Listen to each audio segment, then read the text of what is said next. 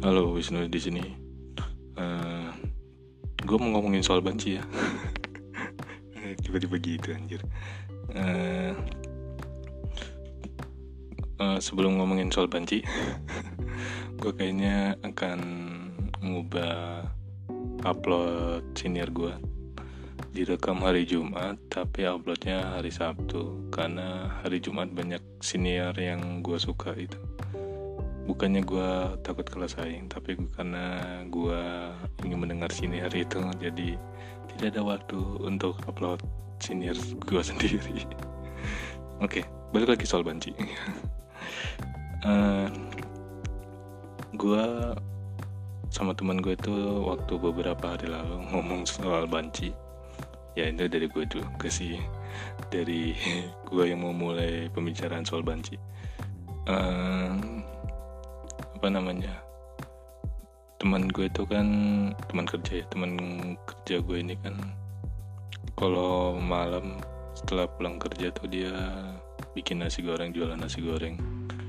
Betapa kerja kerasnya dia untuk sesuap nasi untuk membayar kontrakan dia harus kerja banting tulang. Uh, katanya teman gue tuh dia cerita uh, dia di Beji ya. Dia cerita kalau di Beji tuh lumayan ada beberapa banci dan katanya sering uh, main di tempat nasi gorengnya dia gitu beli nasi goreng dan atau sekedar mampir aja gitu. Ya kan kalau keliling kan ngamen mampir kali ke tempat-tempat tempat kayak gitu nasi goreng gitu. Apalagi kalau orangnya ramah. Teman gue ini ramah banget so. dan sekarang udah nggak ada lagi beberapa tahun tuh udah nggak ada. Uh, mungkin dapat ada tobat. Uh, di rumah gue di komplek gue juga ada salon yang terkenal dengan bancinya. Santera Depok mungkin tahu kali. Uh, soal apa tentang salon itu? Uh, salon itu kayaknya pemiliknya banci jadi banyak mengerjakan banci gitu ya. Dan salon itu juga dulu-dulu ya waktu tahun baru tuh sering ngadain uh, sering ngadain panggung panggung dangdut banci-banci gitu. Dan untuk menghibur masyarakat gitu. Dan itu lucu sih lucu ngeliat banci-banci itu uh, ngeliat apa namanya? Tapi beberapa tahun ini katanya udah nggak ada lagi ya. Entah itu karena budget yang nggak ada atau karena gesekan antara orang-orang di sana ya. Kan di ya lu tau lah ada ekstremis-ekstremis agama yang nggak asik kan jadi kan kalau ngeliat yang kayak gitu-gitu aduh dosa dosa haram haram udah jadinya kayaknya udah gak ada lagi. Padahal itu menghibur banget. Uh, kalau yang nggak punya kegiatan malam baru misalnya kagak diajakin teman ya kan kagak ngumpul sama keluarga kan bisa ke situ. Dan juga uh, banyak abang-abang dagang atau yang dagang-dagang di situ kan untuk sekedar cari nafkah di situ. Tapi ini nggak adanya sebelum corona itu udah lama banget kayaknya. 2010 atau 2013an dah sekitar tahun segitulah. Kagak ada. Uh, di salon itu juga ada apa namanya banci yang memelihara dari gimana ngomongnya yang menumbuhkan buah dadanya. Dan kayaknya itunya juga nggak ada sih. Nggak tahu sih kayaknya. Tapi masih kelihatan laki banget gitu. Kelihatan banci banget. Dan katanya sih kata teman gue yang tukang jahit info A1 nih katanya banci itu sudah punya suami apa ya? Atau laki-laki pacar gitu ya. Ya dulu um, dulu sih gue ngeliat banci-banci gitu uh, kayak agak kaget aja gitu. Uh, gue senang sih ngeliat banjir di TV tapi kalau ngeliat secara langsung tuh kayak hmm kayaknya gimana gitu. Uh, beberapa tahun dulu sekitaran 2015an tuh banyak banjir yang masuk keluar ngamen di rumah gue dan gue juga uh, apa awalnya agak keganggu aja gitu. Dipanggil ganteng sama laki-laki banci gitu kan agak gimana gitu. Uh, tapi sekarang ke sini sini gue makin dewasa makin gak peduli dengan apa yang namanya itu pura-pura introvert apa. Maksudnya nggak peduli gue kenalan sama sama temenan sama siapa gitu. Sekarang nggak peduli terhadap hal-hal yang sifatnya naif asik naif gitu. Nah ya, apa maksudnya nggak ini nggak mau ini nggak mau gue harus gini harus gini. Kayaknya gue udah meninggalkan itu. Sekarang gue ya udah gue uh, lebih santai lebih biasa aja ngeliat sesuatu gitu termasuk banci ini gitu. Gue awalnya aneh sekarang udah kayak biasa aja ngeliat banci udah biasa aja. Ya lihat-lihat aja gitu asal gue kakak ganggu dia ya gue nggak masalah gitu. Uh, sama juga orang-orang kemayu. Kayaknya banci sama kemayu tuh agak hmm, agak beda sih kalau menurut gue banci tuh kayak memperdalami sifat. Tapi beda juga ya transgender. Pokoknya Banji itu kayak transgender setengah transgender kayaknya sih. Karena kalau transgender itu udah bener-beneran tok jadi cewek gitu ya kayaknya ya. apa jadi kayak ya gitu deh. Tapi kalau Banji itu masih ada kayak laki-lakinya tapi gue juga nggak tahu ya itu kebutuhan ekonomi atau gimana gitu dia terpaksa jadi banci atau gimana atau keinginannya kan gue juga nggak tahu. Uh, kalau kemayu tuh kayaknya agak sedikit banci mungkin kalau gue persenin ya kemayu itu 30 persenan atau 40 kalau banci itu 60-an kalau transgender itu udah hampir 100 gitu ya. Jadi uh, ya gitu lah. Jadi kayaknya ada perbedaannya. Karena kalau kemayu-kemayu gitu kan masih hanya apa berpakaian laki tapi ya agak kemayu aja gitu. Agak kayak cewek tapi bukan cewek. Dulu waktu SMP gue juga ada gitu dideketin banjir gitu. Gue responnya biasa aja jadi banjirnya. Jadi orang kemayunya jadi uh, ya ya jadi gitu. Tapi dia kemayu apa namanya kemayu tapi gak pantas jadi orang kemaya gitu. Maksud gue dia ya gue bukannya main fisik ya tapi dia hitam terus rambutnya uh, keriting keriting gitu bukan keriting sih botak gitu ya. Kayak nggak pantas aja jadi orang kemayu. Nggak put nggak putih atau kayak gimana gitu. Uh, waktu SMA gue juga ada orang yang kayak gitu kakak kelas sih. Kalau yang SMP tuh seangkatan kalau yang SMA ini kakak kelas dua tingkat apa satu tingkat kayaknya dua tingkat ya. Dia agak ban agak banci-banci gitu main sama cewek. Ya kayak Olga-Olga gitulah.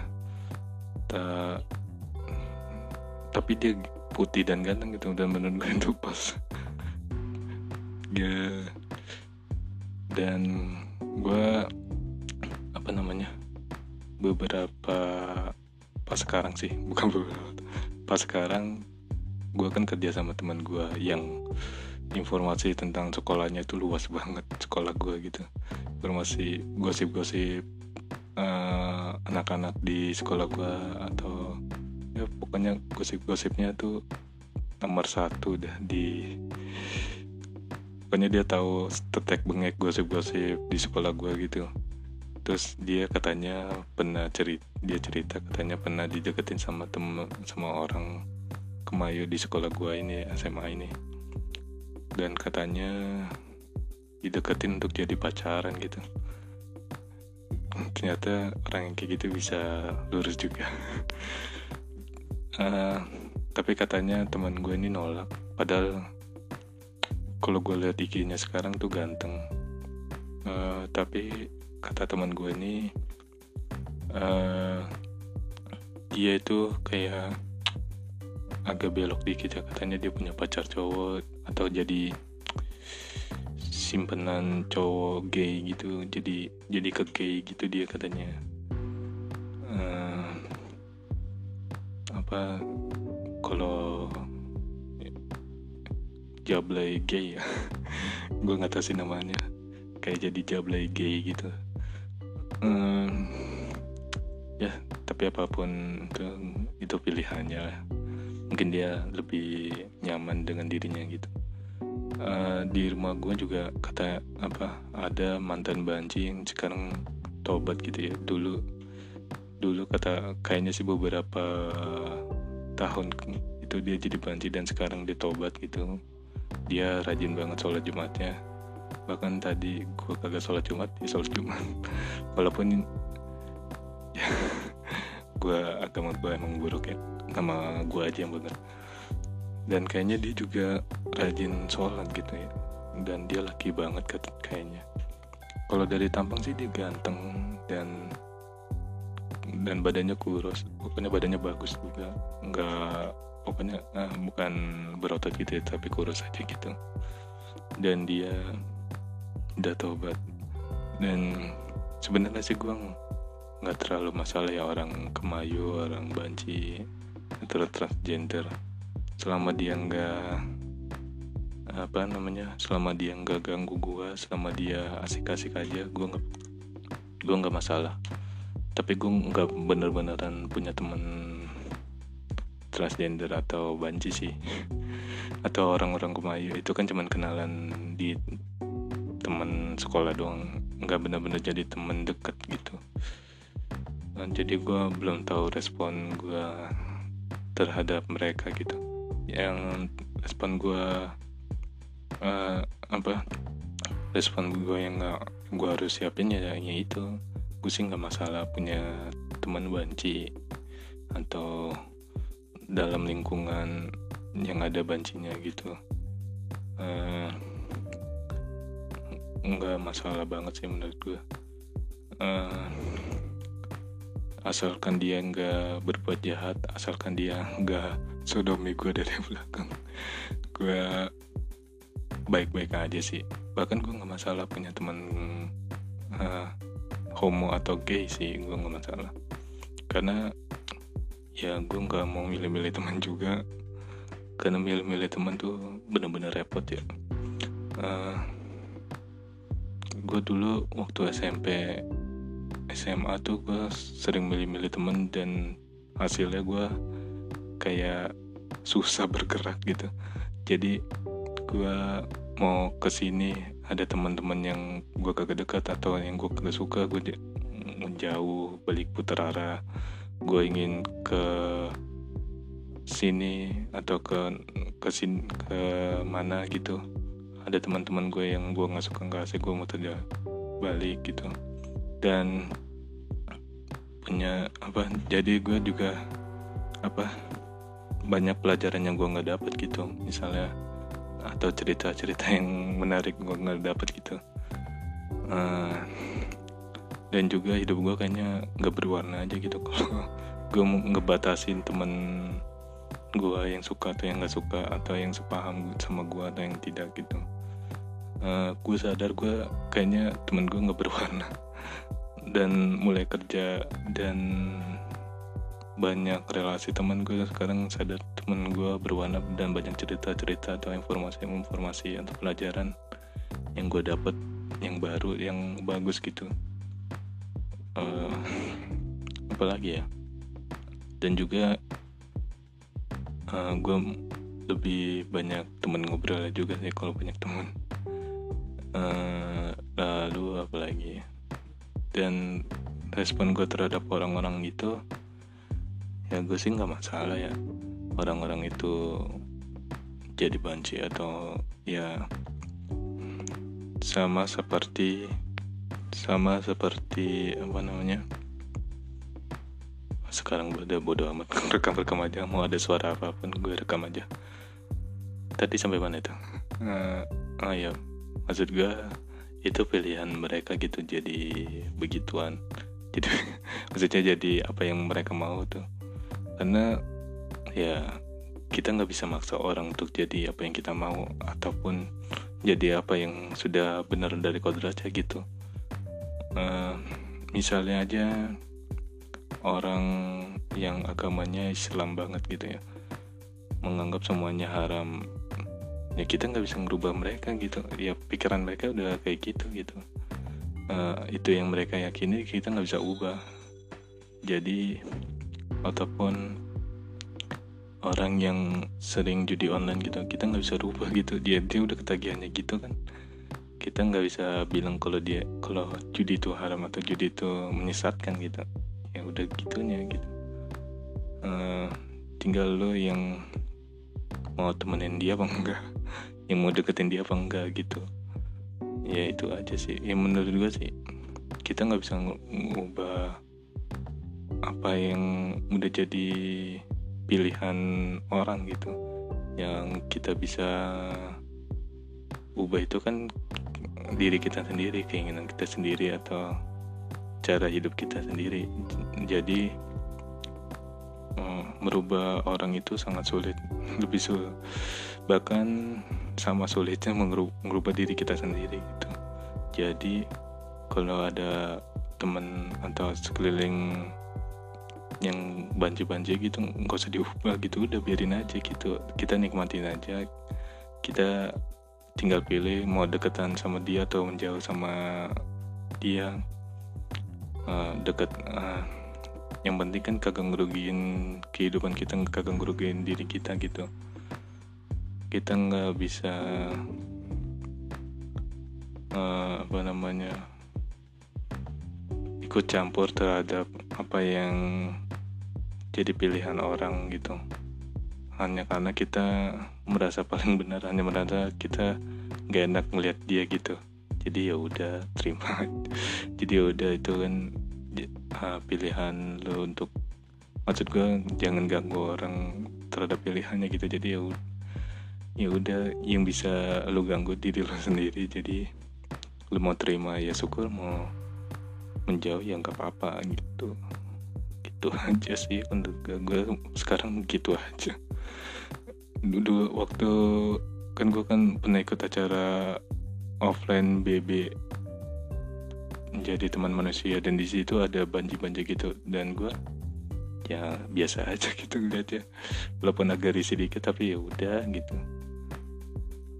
Uh, eh, gue gue seneng aja. Sekarang gue gue mah seneng aja ngeliat.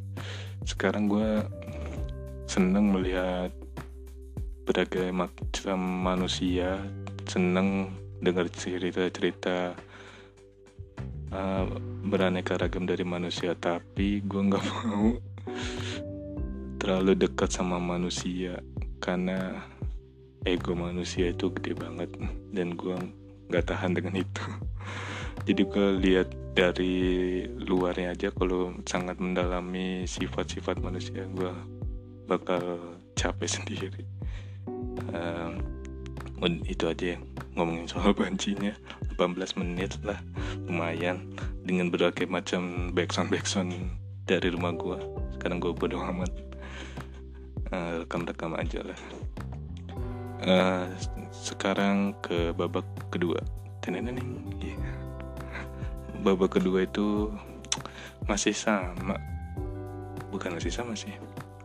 Uh, gue mau ngeluh sedikit tentang diri gue uh, gue kadang suka ceramahin orang tapi tanpa sadar itu gue nyeramain diri sendiri.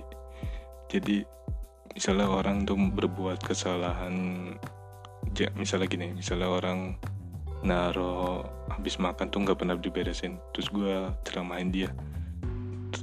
Dan di situ gue sadar apa teringat sesuatu gue juga pernah melakukan ini sering gitu. Uh, makan nggak diberesin gitu dan itu membuat gue uh, jadi kayak memarahi diri sendiri. Gitu. Marahi diri sendiri aja gitu. Dan sekarang gue nggak ada orang yang ingin gue ceramahin. Jadi gue ingin ceramahin diri sendiri mengeluh diri mengeluh terhadap diri sendiri.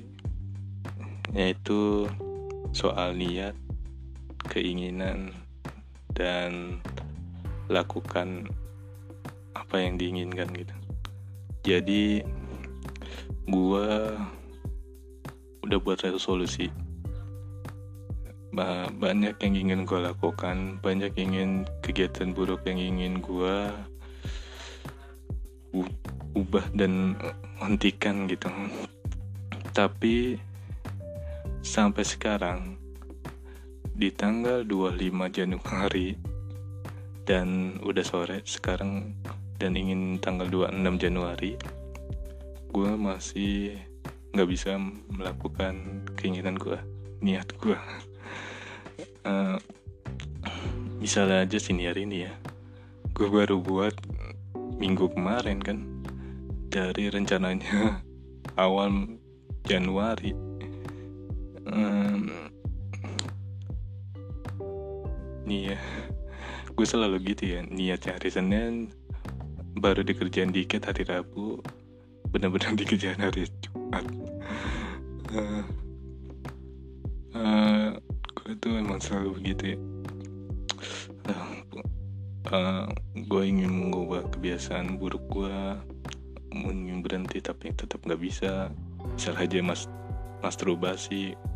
Sampai sekarang gue masih masturbasi setiap hari. Gue ingin ber berhenti gitu. Lama-lama titit gue sakit masturbasi mulu uh, sama makanan-makanan pedas dan olahraga tuh gue udah udah jarang olahraga lagi. Kemarin gue nimbang gue naik satu kilo. Aduh gue ingin tapi ayam crispy itu enak sih. Udah nasi padang itu. Gue ingin berhenti ingin kagak ingin makan kedua makanan itu. Ya ayam juga enak lagi bangsat bangsat gue ingin berhenti. Dan juga ingin berhenti konsumtif sih gue susah aduh maaf. Susah banget berhenti konsumtif tuh jajan beli sesuatu gue niatnya mau berhenti kaspon sekarang malah kaspon dan duit kasponan gue habis aduh nyebelin banget. Uh, itu sih hal-hal buruk kebiasaan-kebiasaan buruk gue ingin gue ubah dari tahun lalu tapi nggak bisa bisa gitu. Susah banget. Uh, dan keinginan dan niatan gue ingin menjadi produktif juga susah. Uh, alasannya selalu selalu sama dan ini basi banget dan bikin gue mual gitu. Alasannya selalu sibuk kerja nggak ada waktu ataupun kalau udah selesai kerja tuh capek gitu. Uh, jadinya ingin rebahan gitu. Alasan klasik alasan basi alasan bikin gue muntah. Walaupun itu benar tapi gue kayak manjain diri sendiri aja gitu. Dengan alasan itu gue manjain diri sendiri gitu. Uh, seharusnya gue lebih giat aja sih lebih lebih semangat. Lebih semangat. Lebih giat aja lebih pingin mbak gedein niat gedein keinginan. Baru gue bisa lakukan. Dan gue juga selalu kalah sama mood gitu kalah sama mood. Kalah banget gue uh, gue selalu nonton videonya Panji Pragiwaksono tuh yang soal kalah sama mood setiap gue nonton itu gue selalu tertampar. Gue selalu kalah sama mood gue uh, mood sama mood aja kalah apalagi sama kerasa kehidupan gitu dan itu benar banget gitu. Salah satu salah, apa satu-satunya hal yang bikin gue nggak kalah sama mood itu cuman gue terpaksa kerja aja. Kalau nggak terpaksa kerja gue nggak bakalan kalah sama mood gitu.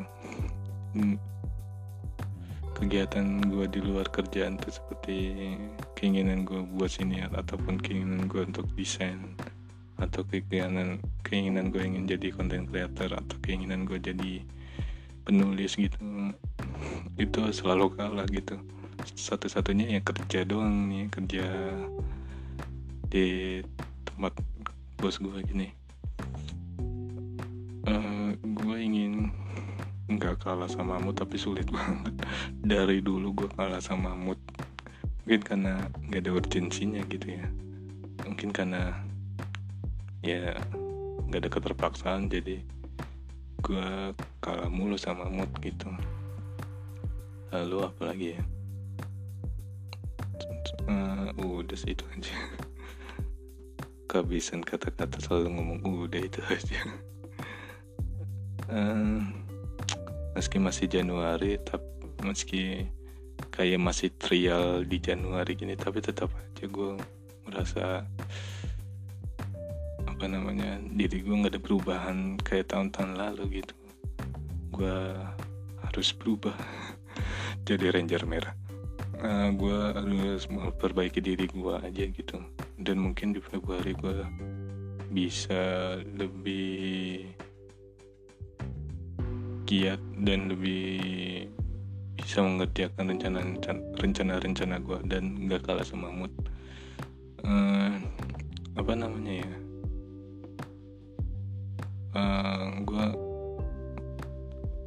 setelah gue sih bebannya bukan karena rencana resolusi gue nggak tercapai ya. Gue bebannya karena ya gue gini-gini aja nggak ada perubahan. Gue bebannya itu sih walaupun gue bilang dalam diri gue ya ini resolusi santai aja pengerjainnya. Tapi tetap aja bebannya itu bukan di situ. Bebannya itu di ekspektasi gue terhadap diri gue yang kalau gue kagak ngerjain itu gue masih sama aja kayak gue yang dulu gitu. Nggak ada perubahan. Hidup gue gini-gini aja. Gue harus melakukan sesuatu gue harus melakukan rencana gue supaya gue bisa berubah jadi manusia produktif dan bisa lebih baik gitu. Uh, karena kalau gue gini-gini aja cuman kerja apa bangun tidur kerja tidur lagi rebahan istirahat uh, besoknya kerja lagi gitu aja terus gue nggak ada bedanya sama kakak gue gitu. Yang gak ada perkembangan duit selalu habis setiap bulan gitu. Kakak gue sekarang umur 30 tahun masih hidup sama orang tua gitu nggak ada perubahan nggak ada perubahan yang berarti. Kerja dari SMA SMA tuh udah lama banget dia tuh. Udah ber, bertahun-tahun dia kan. Tapi masih begitu-gitu aja gitu gue nggak mau gitu. Gue nggak mau jadi manusia yang gitu-gitu aja gitu. Gue ingin ada perubahan gitu perubahan di diri gue gitu. Gue kesel ya sama diri gue gitu. Jadi kayak nggak ada perubahan nggak ada perkembangan masih jalan stuck aja ya di ja, di situ. Gue ingin melakukan sesuatu berubah menjadi lebih baik dan supaya nggak overthinking. Ya kalau kagak ada perubahan gue jadi kayak overthinking aja. Kok gue gini terus gitu? Gak ada perubahan sementara gue ngeliat teman-teman gue gue nggak usah jauh-jauh ya nggak usah jauh-jauh ngeliat Mayudi Ayunda nggak usah jauh-jauh ngeliat Wisnu Tama Panji Pragiwaksono atau Raditya Dika. Karena mereka orang kaya semua. Maksud gue gue nggak jauh-jauh gue ngeliat teman-teman sekitar gue yang ada perkembangannya luar biasa. Sementara gue gini-gini aja gitu. Teman gue ada yang kerja di perusahaan yang lumayan besar dengan gaji yang lumayan. Teman gue ada yang udah punya band dan udah main di festival walaupun festivalnya bayar tapi itu tetap keren gitu.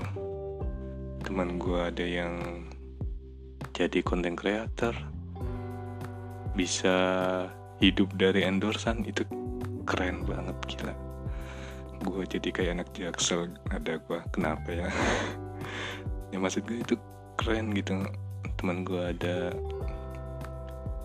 gue ngeliat teman-teman gue yang berprosesnya mengagumkan gitu gue jadi kayak merasa bersalah merasa bukan merasa bersalah sih merasa sakit hati terhadap diri gue sendiri gitu. Maksud gue seharusnya gue bisa tuh kayak mereka gitu.